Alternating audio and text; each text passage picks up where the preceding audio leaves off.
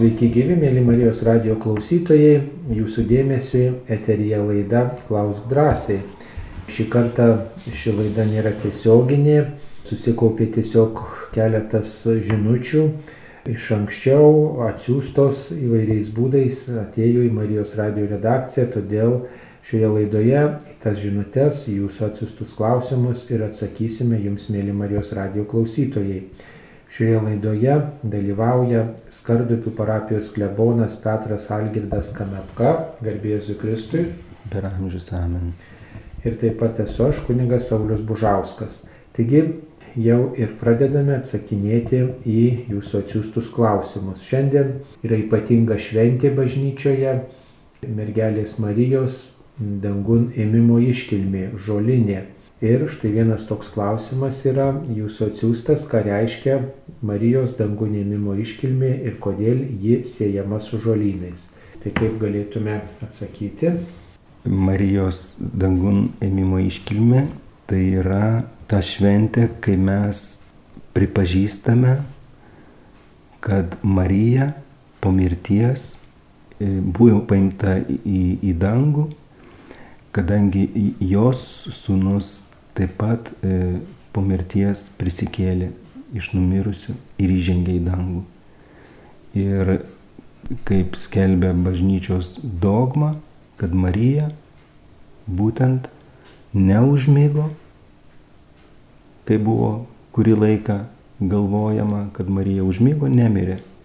Ir iš tų visų nuopelnų jos reiškia, buvo paimta nemirusi į dangų, tik tai užmigusi. Bet, reiškia, tas yra jau buvo paneigta, e, kad Marija iš tikrųjų numirė, mes nežinom šitų detalių, kaip numirė, kur numirė, kada numirė, mes nežinom, bet e, mes tikim, kad jinai jau yra danguje su savo sunumi. O kodėl jis įeima šitą šventę su žolynais? Tai vėlgi ne iš Evangelijos mes e, šitą sąsąją turime, bet iš e, vėlesnių e, raštų, apokrifinių raštų, iš žmonių bandymų įsigilinti į, į šituos dalykus.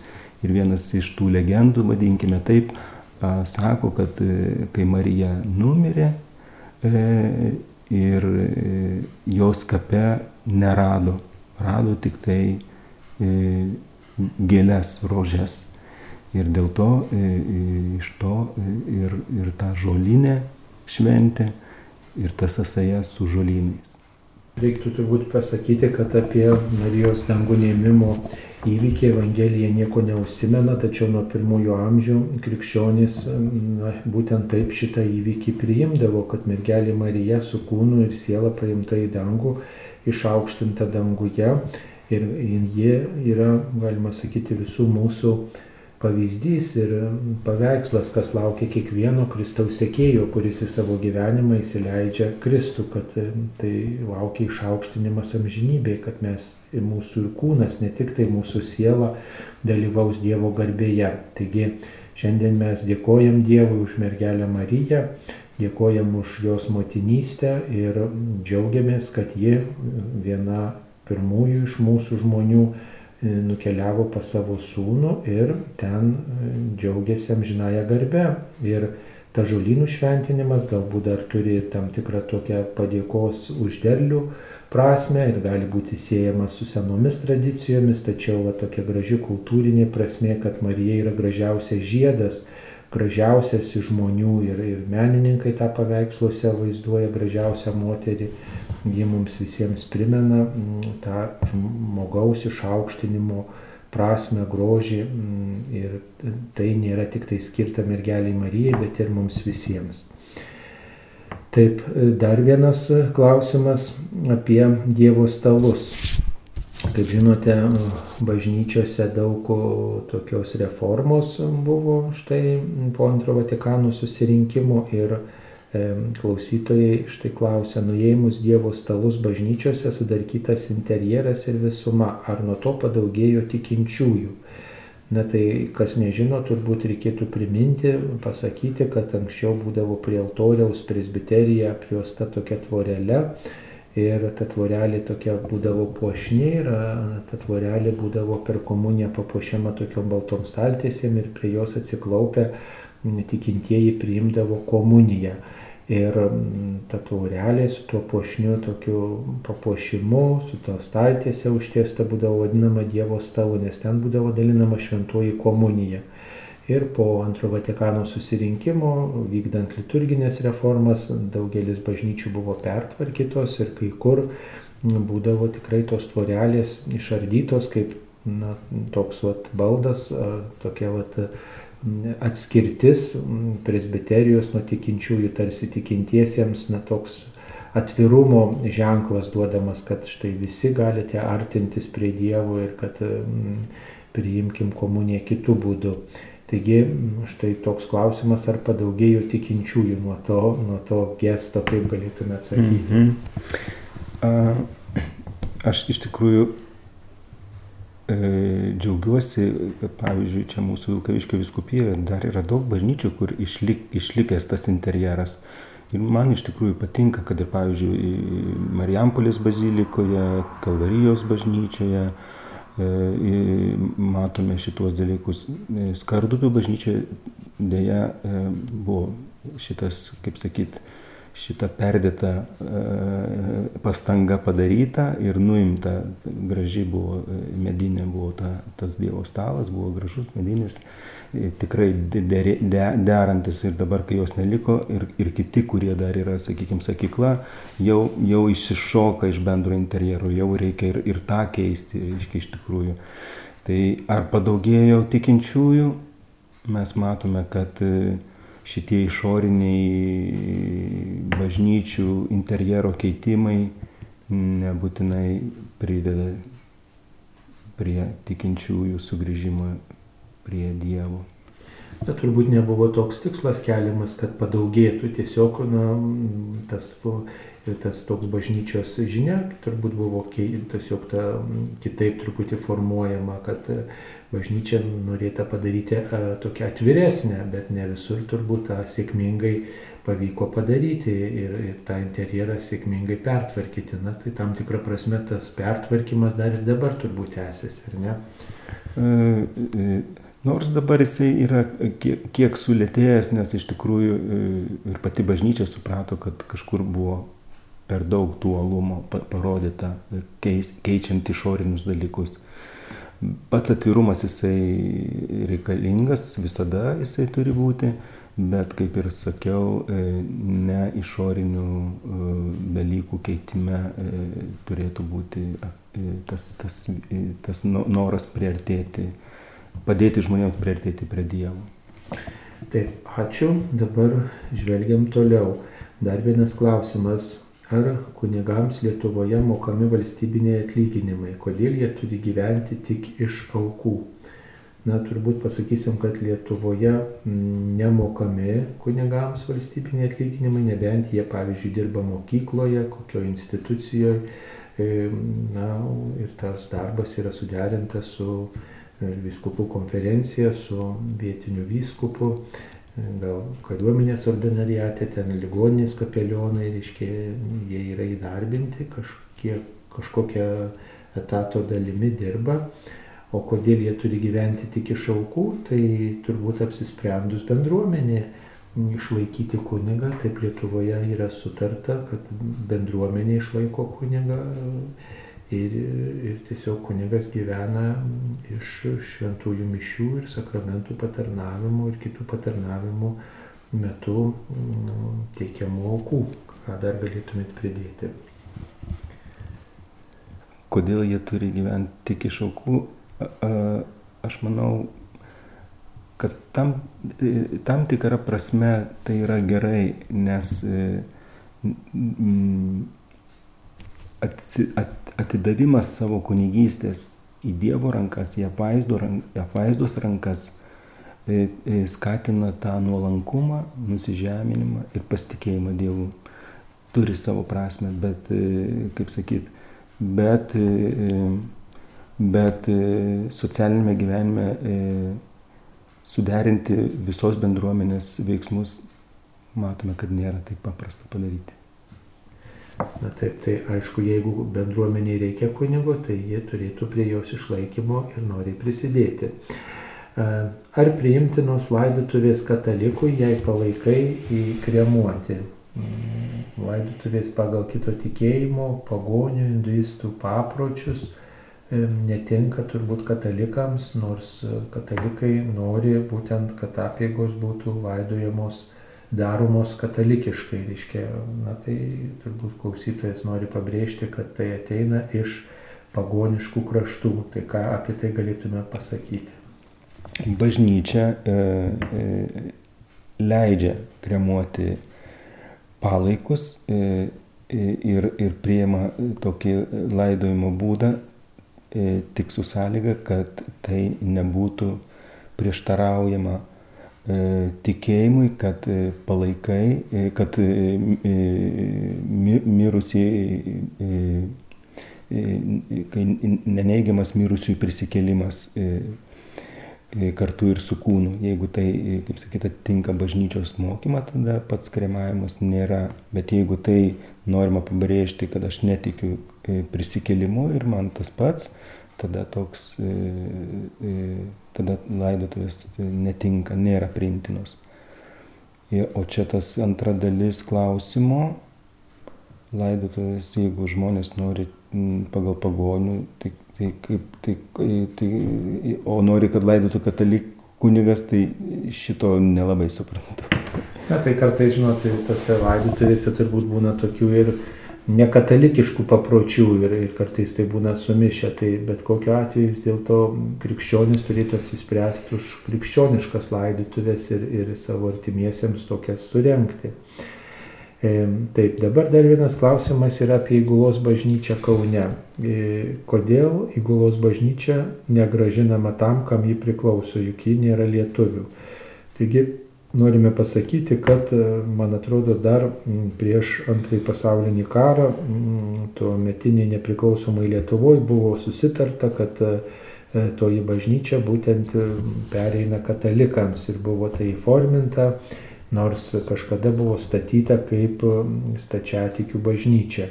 Ir ji dar prieš karą tarnavo kaip kariuomenės ordinariato bažnyčia. Taigi ji yra na, lietuviams perleista oficialiais dokumentais ir, ir, ir tikrai nuo senų laikų jau tarnauja kaip katalikų bažnyčia, nors savo išorę primena na, rytų bažnyčią.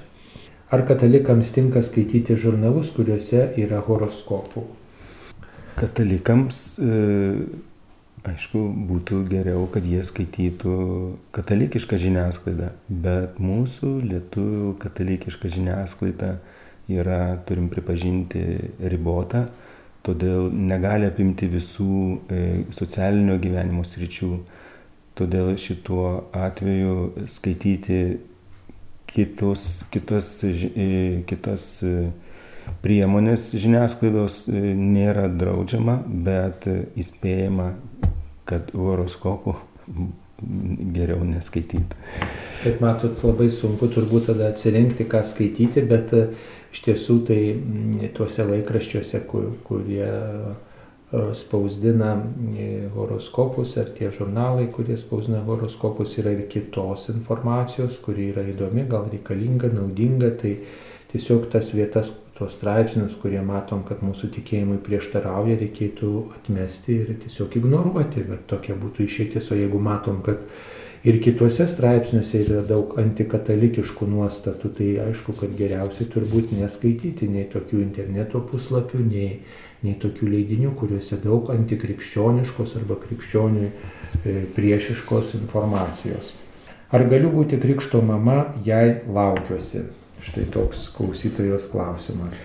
Jeigu būsi gera krikšto mama, tai tau tas padės būti taip pat ir gera mama. Ta, prasme, padės e, auklėti krikščioniškai ir savo vaikus, ir tų, e, tų tos šeimos vaikus, kuriuom, kuriems esi krikšto mama. Tai pats e, kūdikio laukimas jis nėra ir negali būti jokia kliūtis. Taip, neštumas kaip tik tai pabrėžia, kad jūs motinystę, motinystę priimat kaip dovaną ir būsit rūpestinga mama savo vaikui ir taip pat e, tiems vaikams, pakrikšti, kurių krikšte dalyvausite. Turbūt daug svarbiau, ar esate prieimusi santoko sakramentai ir ar krikščioniškai esate pasirengus gyventi, ar esate mm, prieimus sutvirtinimo sakramentą. Štai tai yra daugiau, daug svarbiau negu mm. kad ar jūs laukėtės, ar jūs jau turit vaikelį, ar mm. neturite. Dabar esu įsiskyrusi, ar galiu eiti iš pažinties ir priimti šventąją komuniją.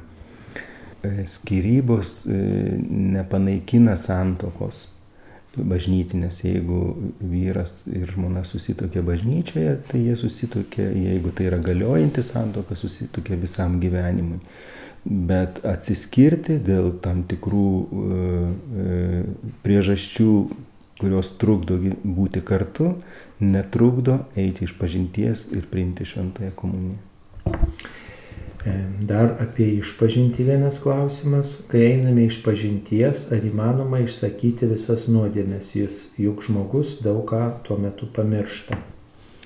E, žmogus e, gali pamiršti kai kuriuos dalykus, bet sunkių nuodėmių e, jisai nepamirš niekada Todėl, bet eidamas iš pažinties jis gali net ir sunkiai, jeigu gyvenimas buvo audringas ir, ir, ir, ilgą laiką ne, buvo neinama iš pažinties, suprantama, kad gali būti kažkokie dalykai tarp tos daugybės pamiršti, bet e, tai ne, ne, nesutrikdo pa, pač, pačio sakramento prieimimo, nes žmogus, kai prisimins, ir tą kunigas turbūt kiekvieną kartą pasako tokiais atvejais, kad kai prisiminsi, išpažinsi nes tai nėra e, sąmoningas nutilėjimas, bet pamiršimas nėra nuodėmė ir, ir jis nesutrikdo pačio sakramento esmės.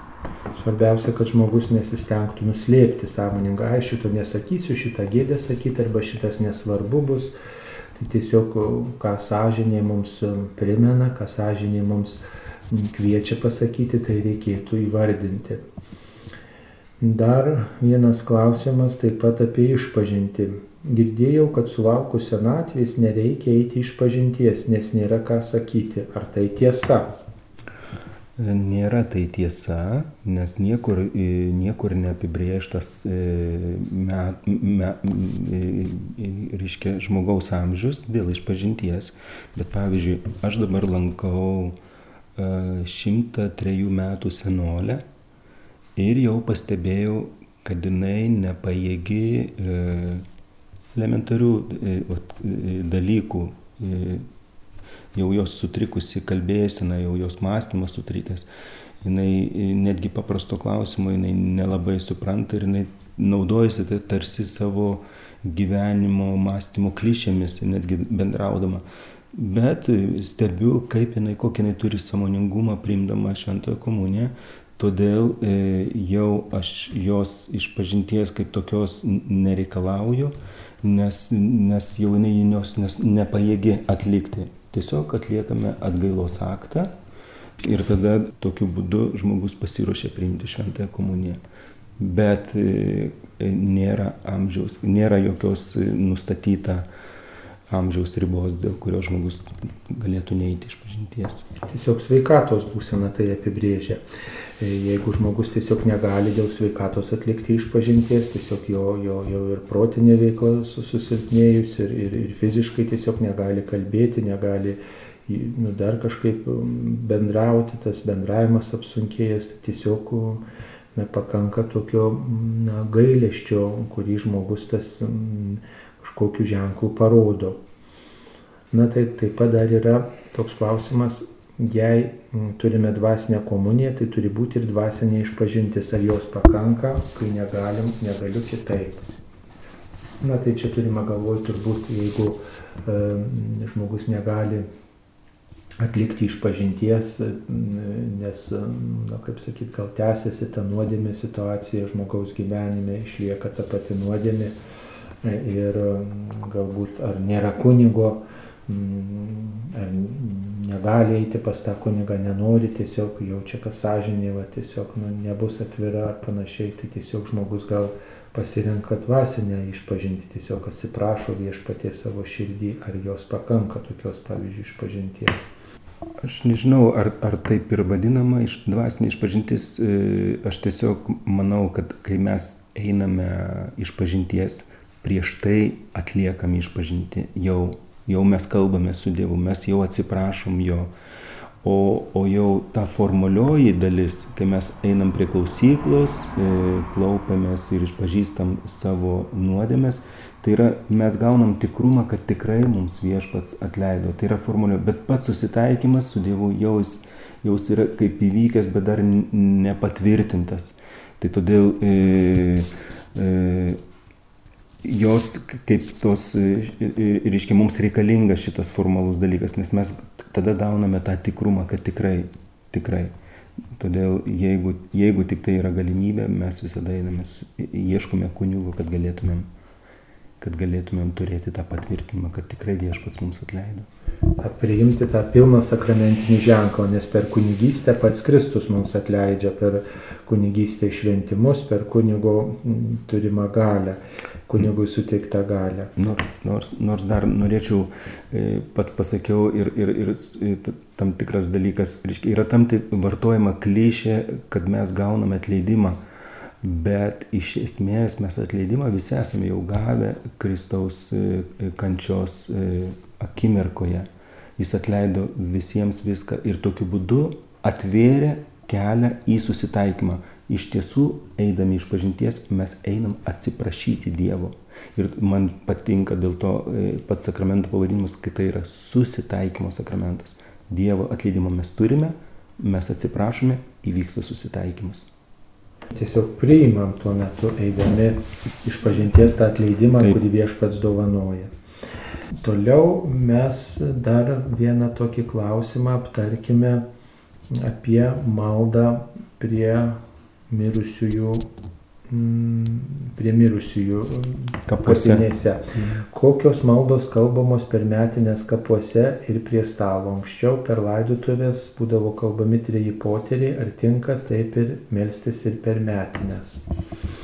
Čia matyt priklauso nuo, viet, nuo tradicijos, kaip kur kokiam krašte yra žmonės įpratę, bet kokiu atveju visokios maldos nėra apibriešta jos, jų trukmė ar skaičius tiesiog kaip kas mano, kaip yra geriau pasimelsti ir, ir manau, kad čia bažnyčia nenustato jokių normų šitų atveju. atveju. Tie treji poteriai turbūt atsirado tuo met, kai būdavo gėdamos gėdulinės psalmės egzekvijos, kitaip sakant, būdavo gėdamos per laidutuvės prieš šventasias mišes, tai tiesiog kol kunigas su vargonininku tas psalmės gėda, tiesiog per tą laiką galima neskubant sukalbėti trejus poterius. Tai tiesiog tokia tradicija būdavo dėgiama, kad žmonės iš tiesų melstusi ir visi moka tuos poterius kalbėti. Ir tada proga tokia būdavo, reiškia, na, žmonės taip pat pakviesti į maldą. O, o reiškia, na, paprastai užtenka gal ir vienerių poterių turbūt. Tas kartojimas jis tiesiog ne visada būna e, toks, ne visada prasmingas žmonėm. Taip. Ne visada suprantamas. Tai turbūt tėvė mūsų sveika Marija, amžinai atelsi, tikiu Dievą tėvą, galima visada sukalbėti ir lankant mirusiųjų kapus, ir per metinės, ir prie stalo. Prie stalo tinka paprašyti Dievo palaiminimo, tos stalo laiminimo maldos yra kiekvienoje maldaknygėje. Ir taip pat ir maldos užmirusius yra kiekvienoje maldaknygėje galima surasti. Ir tiesiog bet kokia malda, kuri aprobuota bažnyčios, yra tinkama ir tokiam bendruomeniniam kalbėjimui. Ar liudytojai santukoje gali būti bažnyčios nelankantis ir net nekrikštyti žmonės? Man atrodo, kad šita ši, santokos e, sakramentui e, liudytojai, e, liudytojai nėra ta svarbiausia, kaip pasakyti, kad būtų pakrikštytas. Nėra, nėra svarbiausia dalis, nes jie tiesiog yra liudytojai šitoje šito vietoje. Svarbu, kad turbūt būtų pilnamečiai ir, ir, ir daugiau nieko apie tai nėra pasakyta, bet aišku, kad jeigu katalikiška santoka, tai natūralu, kad ir tie žmonės, Taip. kurie yra na, liudytojai, jie artimesni tai katalikiškai porai, tai jeigu galima, tai visada būtų, Geriau. būtų reiškia, tie, kurie yra krikščioniško gyvenimo, tada mieliau tokius žmonės ir remtis, ir jų maldos prašyti, ir palaikymo. E, kaip geriausiai atsiprašyti Dievo ir sulaukti atleidimo ir kaip atgailauti ir melstis, jog Dievas neapleistų. Labai geras klausimas. Ta prasme, kad žmogus nori tą daryti ir ieško geriausio būdo. Tai, e, tai jau būdas gali bet koks, koks kokia tik šventoji dvasia įkvėpimą duoda, reiškia kaip, nes kai mes skaitome šventą raštą, mes matom, kaip skirtingai žmonės e, tą atgailą išreiškia, kai sustinka su Jėzumi Kristumi, reiškia kaip jie būna šventos dvasios pajudinti ar ne, ir mes matom, šitą muitininką Matą arba muitininką Zachiejų arba ten kitus, kurie kiekvienas skir skirtingai e, sureaguoja į tą e, kvietimą, reiškia atsigręžti, keisti savo gyvenimą. Todėl visi būdai, visi būdai atsiprašymo tinka, nes atleidimą mes jau turime nes kiekvienas atsiprašymas mus sutaiko su Dievu. Tai čia, čia yra svarbiausia. O atgailauti e, vėlgi nesvarbu kaip e, ir, ir, ir, ir pasitikėti, kad Dievas tikrai mūsų neapleis. Ne, ne, ne, ne koks būdas, bet tas pasitikėjimas Dievu. Dievas niekada jis visada yra su mumis. Bet tiesiog prisiminti, kad Dievas visada yra su savaisiais ir jeigu laikausi, šaukiuosi jo, E, jis neapleidžia, ypatingai kai esu bendruomenėje, kur du ar trys susirenka mano vardu, ten ir aš esu tarp tų žmonių, sako e, Jėzus. Ir tas geriausias atsiprašymas, geriausia malda yra nuo širdį malda, kada aš tikrai visą savo širdį melžiuosi ir noriu keistis, kilti iš savo įdų, iš savo trūkumų ir, Noriu atsiprašyti, aišku, melstis paties švento rašto žodžiais, turbūt yra ir atgailos psalmės galima mm. rasti e, psalminė, yra ir tie m, tų klystančių žmonių žodžiai, pasigailėk manęs nusidėlio, reiškia, Jėzau Kristau gyvojo Dievo snau, pasigailėk manęs nusidėlio, tai vadinama tokia mm. Jėzaus malda, jeigu jinai nuoširdžiai tariama, su, su troškimu keistis, pamesti seną gyvenimą, su nuoširdžiu troškimu priimti, atsiverti Dievo meilį, daugiau tą meilę patirti, tai tikrai tokia ir malda ir bus geriausia. O šiaip tą gerumą tik tai vienas Dievas išmatuoja, svarbu mm. mūsų ištikimybė. Taip. Ar nuodėmė maldą užrašius ant lapo ją sudeginti? Pažįstami sako, jog Dievas šias maldas greičiau išgirsta. Ar tai tiesa? Tai panašu į prietarą kurių e, dėja, bet e, e, daugybę formų dar mes galime sutikti. Tai čia yra vienas iš tų prietarų. Na, turbūt nuodėmės nebus, jeigu jūs tą maldą sudeginsite, bet nuo to turbūt nepriklauso, ar Dievas iš, išklausys ar neišklausys. Tiesiog jūs galbūt sudegindama nenorite, kad kažkas na, paskaitytų, ko jūs prašyt, ko jūs meldėtės.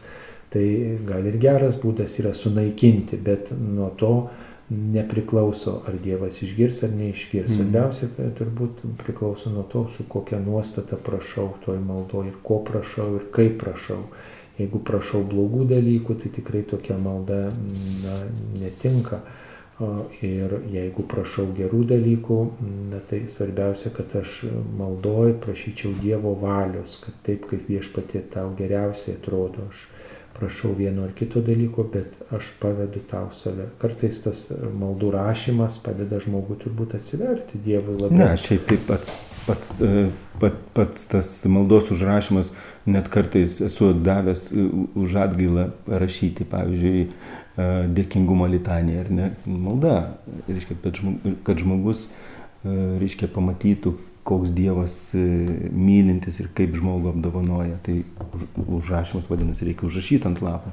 Bet, bet tai, tai, kad sudeginus e, nuo to bus kažko daugiau, tai aišku, čia jau į prietarą panašu. Tai tiesiog sunaikinama, sudeginame, tai sunaikiname. O Dievas, jis mato, skaito žmogaus širdį pirmiausia ir ar jis užrašo, ar jis pasako, ar jis tiesiog širdį nešiojasi, Dievas tai mato. Ką daryti, kai žmogus nenori melstis, nesinaudoja įprastomis maldomis ir tiesiog tam nėra noro? Čia turbūt e, klausė tas apie save kalba, ar ne apie kitą, ar apie save, ar ne. Tai aš manyčiau, tokiu atveju e, reikėtų apsižiūrėti aplinkui ir pamatyti, kiek daug gero jo gyvenime yra. Ir pradėti už tai dėkoti. Ir čia bus toji malda, kuri pažadins visas kitas maldas. Taip manau. Dėkingumas Dievui tai yra tikrai tas būdas pažadinti maldos gyvenimą, kai ne, nežinot, nenorit nu, melstis, pagalvokit, už ką norit padėkoti. Kaip atleisti žmogui, kuris mane įskaudino, daug metų prisimenu padarytas nuoskaudas. Mhm. Labai, labai svarbus klausimas ir iš tikrųjų daugelis žmonių šito nežino, kaip atleisti žmogui. O, čia, reik, čia gana turėtų būti labai rimtas atsakymas, labai ilgas atsakymas, dabar bandau e, sukondensuoti. E, mm, tą skausmą, tą nuoskaudą, kurį aš turiu, aš turiu iš karto atiduoti Dievui paukoti jam, kad jisai perkeistų į meilę ir uždegti savo širdyje norą tam žmogui atleisti, prašant, kad Dievas užgydytų mano, man padarytą žaizdą. Čia būtų toks kondensuotas, nesiplenčiant atsakymas. Nu, turbūt atleidimas ilgas darbas ir jeigu daug metų žmogus prisimena, tai tiesiog matyti tikrai giliai tos nuoskaudos įsirėžiai aišku, melstis už tą žmogų ir, ir, ir linkėti, kad Dievas jį toliau mylėtų. Galbūt reikėtų atsiriboti nuo tos nuoskaudos. Reiškia, yra žmogus ir yra jo darbai. Didelė mūsų gyvenimo klaida, kai mes nuoskaudą padarytą sulydom su to pačiu žmogaus gyvenimu istorija ir jau prilyginam tą žmogus, tai lygu ta padaryta nuoskauda. Juk yra žmogus irgi mm, trapus, mm, besikeičiantis, klystantis, čia pat gal blogai kažką padaro, čia pat ir gerai kažką gal nori padaryti, nesiseka. Mm, tai svarbu turbūt atskirti nuodėmę padarytą tą nuoskaudą nuo paties žmogaus ir žmogui gerą linkėti, o tą nuoskaudą įvertinti kaip blogį, kaip sakot, patikėti Dievui. Dar galėčiau pridurti, kad kartais žmonės e, nesuvokia, kad net leisdami jie leidžiasi būti toliau to blogio įtakojami.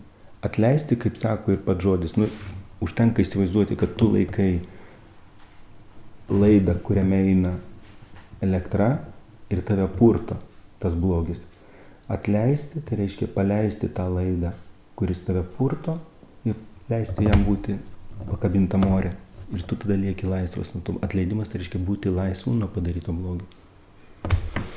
Nu, čia ilgas kelias ir nereikėtų bijoti kartais, kad mes vis pradedam iš naujo tą kelią eiti. Ir kai tik tai pradedam, pasiryštam, tai tikrai Dievas mums padeda, teikia jėgų ir tą atleidimo malonę, kurios mes prašom, ypač tėvė mūsų maldoja. Kiek laiko reikia nešioti gedulo rūbą po artimųjų mirties? Ar yra apie tai kur nors apibriešta? Bažnyčia apie tai nekalba, o visos tos tradicijos, kurias mes matome, tai kiek esu domėjęsis, tai jis atėjo iš karalienės Viktorijos laikų, e, reiškia, kai, kai mirė jos vyras ir tenai visi tie, ten su veidrodžiais, ten su juodais rūbais, ten su labai daug visokio atsirado elementų, kurie perėjo į, ir, į bažnyčios, ir į bažnyčios žmonių krikščionių e, gyvenimą ir todėl mes dar daug tų elementų randam, bet jie iš tikrųjų truputį, ta prasme, daugiau prietarai negu kažką bendro turintis su, su krikščioniu, su tikėjimu jie neturi nieko. Na, tiesiog turbūt gal tokia santūrė laikysena pabrėžia, kad štai žmogus, kuris apsirengęs tamsesniais rūbais, kad jis štai dėl kažko pergyvena, jis nu, apmasto tą įsiskirimo skausmą, jis nebėga nuo to skausmo, jis tiesiog išlieka tokioje ramybėje, apmąstymuose ir, ir, ir turbūt neskuba na, gyventi taip, lyg niekur nebūtų nieko. Tai tokia tradicija yra, bet, bet bažnyčia tikrai niekur nėra apibūdinusi konkrečiai, kiek reikia ir kaip nešioti. Daugiau mes kalbam apie tai, kad reikia melstis turbūt už mūsų iškeliavusius žmonės ir bažnyčia numačius tą maldą, reiškia tik tai gavų žinę apie mirtį, dalyvauti mišiuose, toliau galima dalyvauti mišiuose ir laidotuvių dieną, taip pat patariama melsti 7 dieną po mirties, 30 dieną ir metinėse. Ir aišku, prisimenant mirusius kiekvienose mišiuose, kai dalyvaujam, visada yra tam tikra mišių vieta, kurioje kunigas meldžiasi už mirusius, tai tikrai palydimi mirusieji malda, tai yra geriausia dovana jiems ir mūsų tikėjimo išraiška. Ar galiu savo pamaldumui naudoti kryžių, kurį radau turistinėme autobuse?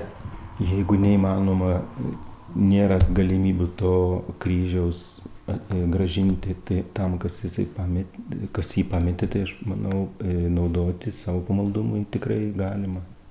Na, tikriausiai to autobuso vairuotojas ten nieko dėtas, kažkokie kiti turistai paliko, žmogus rado, galvoja, ar galiu pasiimti. Tai nežinia kam gražinti, nebent vairuotojui, taip, bet taip. jeigu jau e, žmogus galvoja vairuotojas gal kito tikėjimo ir panašiai ir tas kryžius tiesiog jam atiteko, tai aišku, galima naudoti, galima paprašyti, kad kunigas jį e, palaimintų tą kryžių. Ir tikrai tam tas ir pavedama palaiminimo metu tas kryžius mūsų pamaldumui skatinti. Ar galite pasakyti, kas yra ir ką reiškia amžinoji lempelė? E, žinoji lempelė, taip toks pavadinimas tos švieselės, kuri yra raudona, dažniausiai būna švieselė arba tiesiog uždegtas e, e, žvakė, aliejinė arba, arba vaškinė, kuri reiškia, kad toje vietoje yra saugomas švenčiausiasis sakramentas. O kadangi jisai ten visada yra, tai nuo to ir, ir pavadinimas e, amžinoji, tai reiškia, kol Jėzus ten yra, tol ir ta lempelė dega, turi degti. Na čia turbūt yra pradžia Senojo testamento penkiaknygėje, kai, kai reiškia, Mozė matė degantį krūmą ir tas krūmas nesudegė ir tiesiog patyrė, kad ten yra viešpats, tiesiog išgirdo tokią žinią ir tą kvietimą nusiauti sandalus, nes čia yra viešpats tam krūme. Tai bažnyčia šitą ženklą naudoja tam, kad paliudytų, jog čia yra saugomas Jėzus, pats Dievo artumas, švenčiausias sakramentas. Ir e, pamatęs tikinti žmogus tą amžiną lempelę visada atsiklaupę, sukalba maldą, garbinkime švenčiausiai sakramentą arba pasimeldžia savai žodžiais pagerbę Jėzų.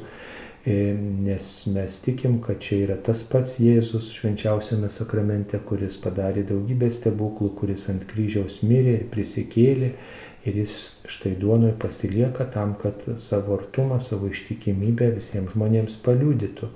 Tai tos lempelės gali būti ir elektrinės bažnyčios, reiškia, raudona, paprastai ta lempelė būna raudonos spalvos, elektrinė lemputė daugelį bažnyčių, tam, kad primintų tikintiesiems nuolatinį Dievo artumą. Per krikšto apėgas pastebėjau, kad ant Velykų žvakės yra tam tikri ženklai. Ką jie reiškia? Taip, ten yra keletas ženklų. Pirmiausia yra kryžius, e, paskui yra raidės alfa ir omega ir taip pat yra metai. Tai kryžius, tai mes suprantam, e, kadangi pati Velykų žvakė reiškia prisikelimą, o kryžius, kad e, Jėzus buvo nukryžiuotas, palaidotas, prisikėlė. Alfa ir omega tai yra Krist, Kristaus, e, e, Kristus yra visako pradžia ir pabaiga. O metai, tai reiškia, kuriais metais ta žvakė vėly, vėly, vėly, buvo švenčiama Velykos ir kur, kur, kur, kurios, kuriais metais tai buvo. Tai todėl mes matome tuos skaičius užrašytus ant žvakės. Dar turbūt yra tie penki tokie spurgai, kurie primena Ai, penkias Kristaus žaizdas. Ir tai šita simbolika primena patį Kristų, kuris yra atėjęs į visus laikus, į visus amžius, per kurį laikas atsirado šitam pasaulyje, buvo Dievo žodžiu šitas pasaulis sukurtas ir šitas pasaulis per Kristų taip pat bus ir įvertintas. Ir kad mes esamuoju laiku, būtent tais metais, išgyvenam taip pat tą sėkimą Kristumi.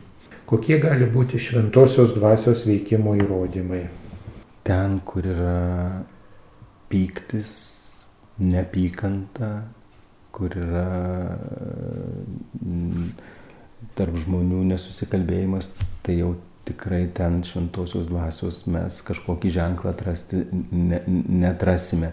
Bet ten, kur yra meilė, ten, kur yra gailestingumas, ten, kur yra atleidimas, ten, kur yra bendradarbiavimas, čia šitie visi e, šventosios dvasios, kaip sakyti, ženklus jos veikimą mes galime atpažinti ir už tai dėkoti jai na, turbūt, kur yra paskatinimas į artimo meilę, į krikščionišką tikėjimą, ten ir, ten ir bus dvasios veikimas.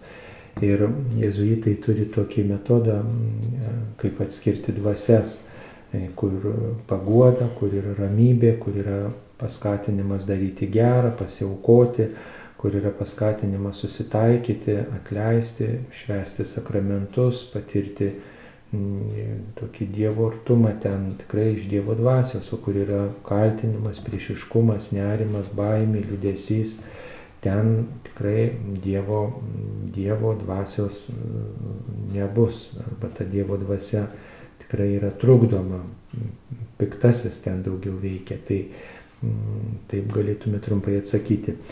Kaip atskirti, kur yra tik liaudės medicina, o kur jau burtai ir magija? Nu, ten, kai mes savo nuėję prisiskynėm jonažulės ir išsivyrėm arbatos, e, prieš tai pasimeldę e, valgom vakarienę gerdami tą arbatą, tai ir, ir, ir, ir jeigu tą jonažulę žinom, kam jinai gali būti, reiškia, kokią lygą galėtų palengvinti, tai bus liaudės medicina. O jeigu mes jau ten kažkokius užkalbėjimus ar ne su tom žolelėm darom, dar ką nors tai jau turbūt bus burtai ir magija. Ta prasme, tai, ko ne, ko, ko, ko ne, priskirti tai, ko žolelė negali padaryti. Paprastai liaudės medicina krikščionių tinka tada, kai mes remiamės tam tikros e, tokiomis fizinėmis, biologinėmis savybėmis ir ne, nepritarėm tam tikrai nepriskiriam tam tikros kažkokios maginės tokios galios, kad energijos ten, reiškia, apsaugos tokios dvasinės, ne? jeigu mes grinai pasitikim e, to preparatu, kuris turi tam tikras fizinės savybės, nes burtai paprastai ir magija siekia tam tikros tokios labai savanaudiškos tokios E, galios ir dažnai susiję dar ir su kitais asmenimis, su užkalbėtojais, su tam tikrais tokiais veiksmais, kurie ne tik tai fizinę vienos ar kitos medžiagos savybę apima, bet ir atveria tam tikrai anapusiniai tikroviai, kuri dažnai paremta ne Dievu, ne pasitikėjimu Dievu, ne pavedimu Dievo valiai, bet piktosios dvasios įtakai. Kaip mus veikia filmai, kuriuose yra daug smurto, nepadarių scenų, ar galima tokius filmus žiūrėti?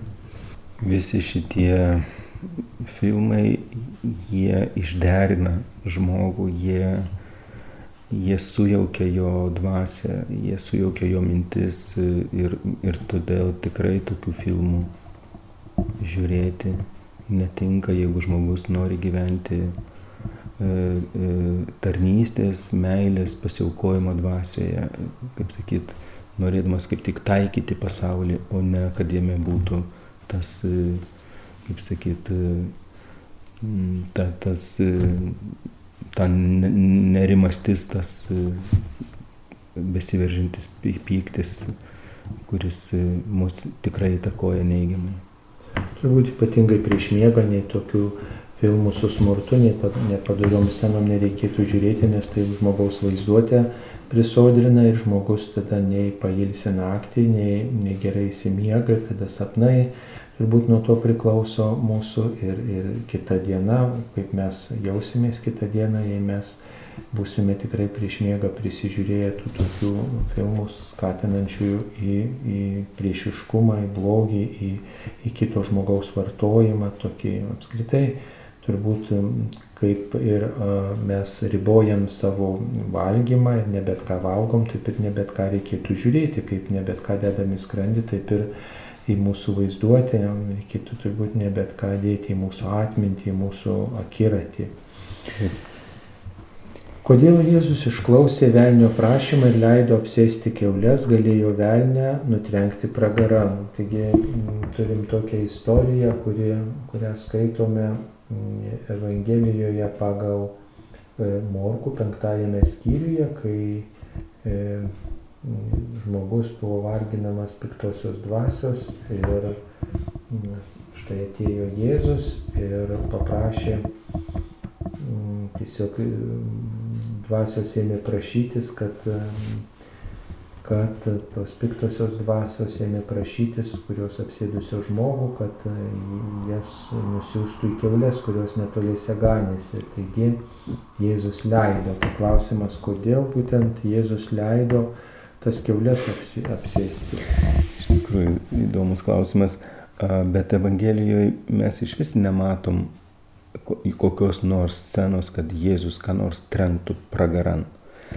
E, leidžia velniui veikti, leidžia velniui netgi savo gyvenime, jis kai buvo gundomas, jis niekur to velnio nenutrenkė, jis jam leido veikti, bet, e, bet, e, bet neleido, bet pats neleido, kad velnės jam jo gyvenimą keistų, jo sprendimus keistų, nes Jėzus visas dėmesys buvo nukreiptas į dangiškai tėvą ir visas jo veikimas priklausė nuo šito santykio su dangišku tėvu. O, o kaip mes žinome, šitonas veikia ir dabar pasaulyje. Nu, bet to dar keulė, matot, tuo metu, mm, pagal tuo metu papročius, apskritai žydams tai buvo nešvarus gyvulys ir priminė e, pagonis, priminė pagonybę, nes net ir tam tikrose kraštuose keulė buvo laikoma net ir tokiu dievybės simboliu. Net ir tokios statulėlės keulių būdavo, aiškiai, pagoninių naudojamus. Tai e, leisdamas piktajam apsėsti keulės, kurios gavo galą, žuvo ežero bangose, Jėzus paliudyja, na, kad e, visa tai, kas nešvaru, kas, kas e, priešiška, visi mūsų stabai, mm, jie tiesiog neturi ateities Dievo pasaulį. Ir, ir tiesiog kur yra tas kelias, kur, kur, kuriuo žmogus eidamas pasitikė vien tik tai piktuoju. Štai tas piktasis jisai mm, pražudo kūrinyje žmogui gaila galbūt keulių, tačiau nepastebi, kad e, išgelbėtas žmogus buvo. Ir kaip tik toj scenoje irgi žmonės gailėjo tų, tų, tų, tos keulių bandos, tačiau nepasidžiaugė, kad, kad štai žmogus išgelbėtas yra, kad žmogus išlaisvintas. Ir žmonės stebėjosi ir gailėjo, aišku, savo turto, bet nesidžiaugė Dievo kūriniu žmogumi, kad jis yra išgelbėtas. Taip, toliau, kodėl šventiesiems priskiriama viena ar kita globos rytis? Aš manau, kad tai susijęta su e, to šventojo gyvenimu. Reiškia, su jo tam, tikra, e, tam tikrais e, įvykiais, kurie, kurie jo gyvenime buvo. Pavyzdžiui, šventasis Florijonas buvo sudegintas, tai jis yra gaisrininkų globėjas tokiu, tokiu principu. Bet bažnyčia to nepriskiria, čia tiesiog iš liaudės išeina šitas, šitas, šitas skirstimas, šitas priskirimas. Bažnyčia neužsima tokiu dalyku. Tiesiog žmonės, kurie e, matydami, pažinodami to vieno ar kito šventojo gyvenimą, pagal tai, kokioj srityje jisai reiškiasi, jeigu buvo gydytojas, tai gydytojai jį kreipėsi ar ne, arba jeigu jis gydė ligonius, tai ligoniai, va tokiu, tokiu principu tai žmonės tiesiog mano, kad jisai, būdamas gyvas, supranta tą sritį ir gali toj srity žmonėms padėti. Taip, manau. Bet to dar liaudės pamaldume turbūt vienas ar kitas įvykis yra įvykęs vieno ar kito šventojo gyvenime ir galbūt žmonės apie tą įvykį mąstydami štai patys atsidūrė to įvykio aplinkybėse, na, prašė to šventojo globos ir patyrė kažkokį ženklą, patyrė palengvėjimą, paguodą ar problemos sprendimą ir tada tiesiog tas pamaldumas paplinta, kad būtent va tas šventasis toje srityje gali padėti, gali palydėti ir žmogus tomis malonėmis žinia apie tas malonės dalinasi su kitais. Kaip teisingai pasirinkti krikšto sutvirtinimo vardus? E, kai kas renkasi tokius vardus pagal jų egzotinį skambesį ir teisingai daro. Na, e, krikšto sutvirtinimo vardai tai yra mes norim tų šventųjų turėti šventuosius globėjus. Todėl tais vardais mes renkamės jų vardus, tikėdamės jų, kad jie bus mūsų draugai mūsų gyvenimo kelyje, globėjai. Todėl mes juos renkamės, o pagal skambis egzotinį tai čia nieko bendro neturi. Nu, turbūt pauliai kartais priimdami sutvirtinimo sakramentą, kartais e, iš to sąrašo žiūrėdami, jie tiesiog, jiems patinka Aha. tiesiog tokia egzotika, va, toks taip e, įdomiai skamba arba... A, iš tų pačių šventųjų, iš tų pačių šventųjų sąrašo, ar ne? A, tai, reiškia, kas atitinka, gal, gal čia nieko blogo. Dažniausiai tai, pavyzdžiui, krikšto tai renkasi arba pagal gimimo dieną, arba tą krikšto dieną, e, kas, reiškia, nes šventieji turi savo šventimo datas, ar ne? Mirimo dažniausiai būna datos.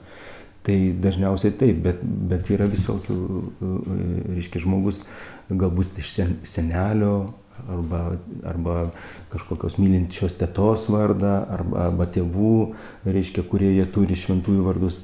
Tai čia tų variantų. Tai nėra blogi, bet, bet kokiu atveju, jeigu tai yra šventojo vardas, visi, visi ar pagal egzotinį skambesį gali būti. Turbūt reikėtų e, taip pat pasidomėti vieno ar kito šventojo biografiją. Taip.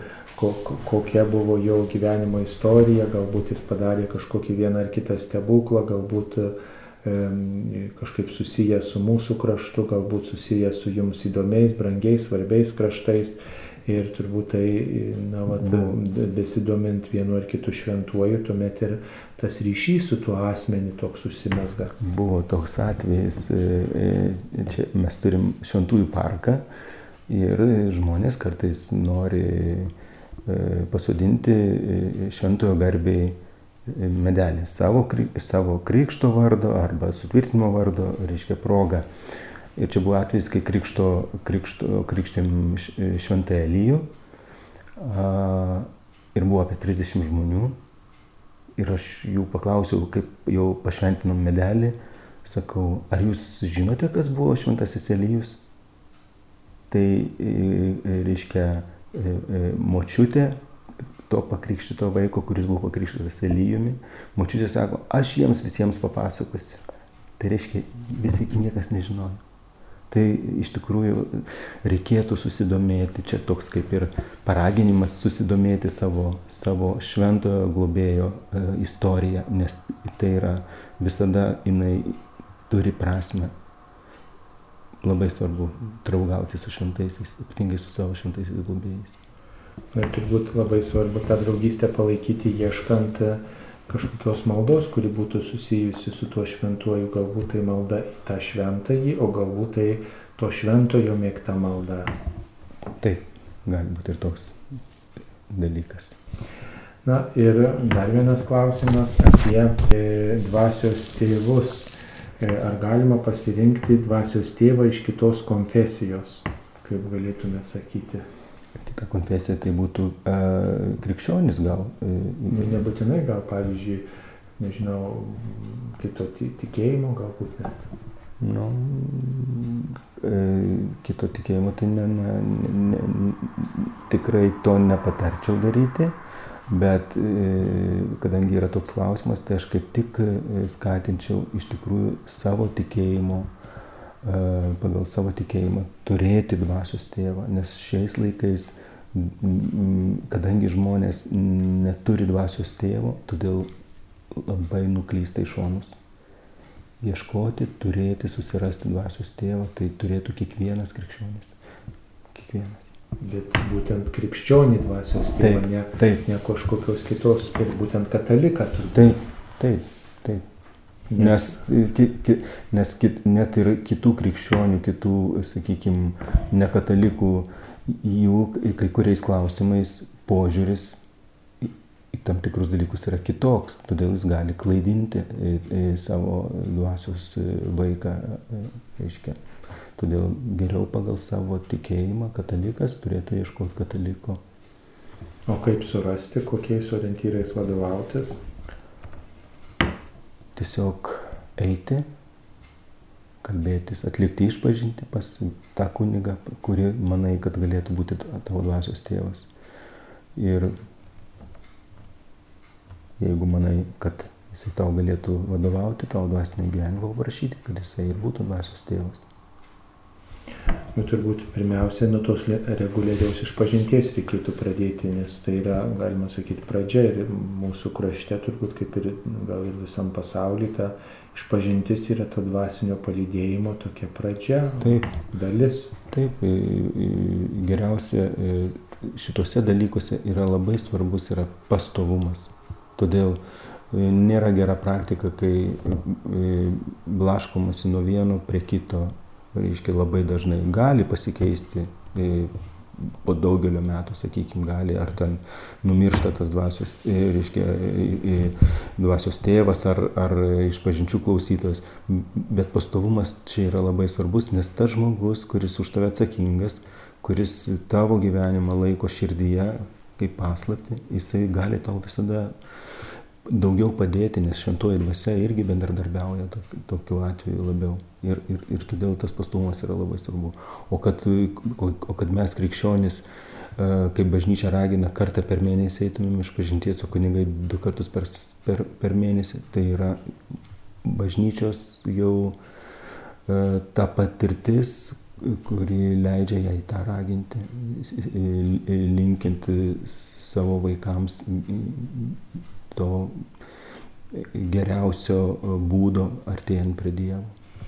Bet turbūt šitas klausimas kyla dar ir todėl, kad e, dvasios tėvų gali būti ne tik tai kuningas, gali būti vienuolis arba krikščioniško, katalikiško gyvenimo patirtį tokia ilgesnė, brandesnė turinti žmogus. Taip, dvasios tėvas taip gali būti vienuolis, vienuolė, bet išpažintis e, nebūtinai turi sutapti e, su dvasios tėvu. Gali būti atskirai dvasios tėvas, gali būti atskirai e, kunigas, kuris klauso, priima tavo išpažinti. Gali būti taip. Taigi, mėly Marijos radio klausytojai, čia šį kartą į klausimus, jūsų atsiustus klausimus e, atsakinėjo Skardupių parapijos klebonas Petras Algirdas Kanapka. Skardupiai yra netoli Marijampolės, Vilkaviškio viskupijoje. Taip pat atsakinėjau ir aš, kunigas Saulis Bužauskas. Visiems gražios dienos, palaiminto laiko, gilaus ir brandaus tikėjimo. Ačiū sudė. Te laimina visus Dievas.